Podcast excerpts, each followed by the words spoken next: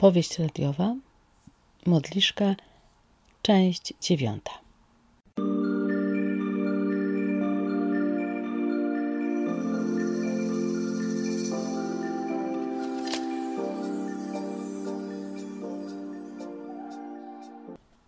Matka wróciła ze szpitala zdruzgotana. Nie chciała o niczym opowiadać. Po powrocie ogarnęła mieszkanie, przygotowała wszystko na następny dzień i zamknęła się w łazience. Siedziała tam długo. Dosłownie siedziała. Oparła czoło o umywalkę i w takim odrętwieniu zastygła. Weronika słyszała, jak mama pociąga nosem. Domyślała się, że po prostu płakała. Potem bezszelestnie położyła się spać, by o piątej rano gdzieś zniknąć. Wróciła po więcej niż godzinie. Przyniosła świeże pieczywo i jakieś ojca rzeczy do prania. Przy śniadaniu powiedziała tylko, że kryzys minął i ojciec czuje się już znacznie lepiej. Weronika chciała wiedzieć, co się stało. Nie wiedziała jednak, jak zapytać, by dostać odpowiedź. Mamo, czy tata miał wypadek na ulicy? Rodzicielka spojrzała na nią nieprzytomnym wzrokiem, jakby nie zrozumiała pytania. Weronika więc powtórzyła pytanie w innej formie. Czy tatę przejechał samochód? W wieku Weroniki raczej trudno było sobie wyobrazić inne przyczyny nagłej choroby. A w tym mieście wypadki zdarzały się stosunkowo często.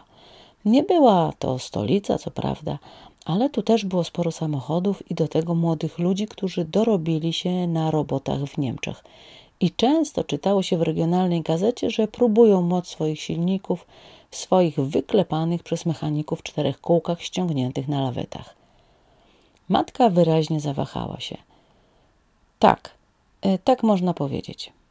Weronika nie śmiała już dociekać co i jak. Ojciec był w szpitalu długo, a kiedy wrócił, wszystko się zmieniło. Weronika zawsze miała z nim dobry kontakt, a teraz był obcy. I ten jego wzrok, pusty, jakby patrzył przed siebie i nic nie widział. Tato, kiedy wracasz do pracy? zapytała pewnego dnia Weronika. Nigdy, odpowiedział i zakrył oczy rękoma. Jak to nigdy? pomyślała Weronika. Przecież fizycznie nic mu nie dolega. Zawsze lubił swoją pracę, uwielbiał brać nadgodziny i wcale nie dla pieniędzy, ale dlatego, że zawsze wszyscy mu mówili: Panie Ludwiku, bez pana to my nie damy rady. Panie Ludwiku, pan jest jak taki. Ach, panie Ludwiku, pan taki akuratny człowiek. Na początku, po wyjściu ojca ze szpitala, kilka razy pojawiły się telefony z zapytaniem o jego zdrowie. Nie chciał się jednak z nikim widzieć, nawet ze swoimi kolegami z tej samej brygady. Zapadał się coraz bardziej w sobie. W bezczynności tkwił całe dnie. Mógł siedzieć głodny i spragniony. Był jak manekin, który matka przestawiała po mieszkaniu, wydając komendy. Przesuń się, zrób miejsce, zjedz, idź się umyj. Na powierzchni 35 metrów nie mógł znaleźć miejsca, w którym byłby niewidoczny. To było niemożliwe. Weronika widziała, że cierpiał, kochała go, bała się jednak zrobić cokolwiek, by się do niego zbliżyć. Mówiła do niego, ale on nie odpowiadał, albo wyrzucał z siebie pojedyncze słowa. I pewnego dnia przepadła jej matma w szkole. W zasadzie cieszyła się, bo nie cierpiała matematyczki. Jej koledzy postanowili gdzieś wybrać się w ramach tej wolnej godziny, ale ona nie chciała iść z nimi. Pędziła do domu, jakby czuła, że właśnie tam i teraz powinna się znaleźć.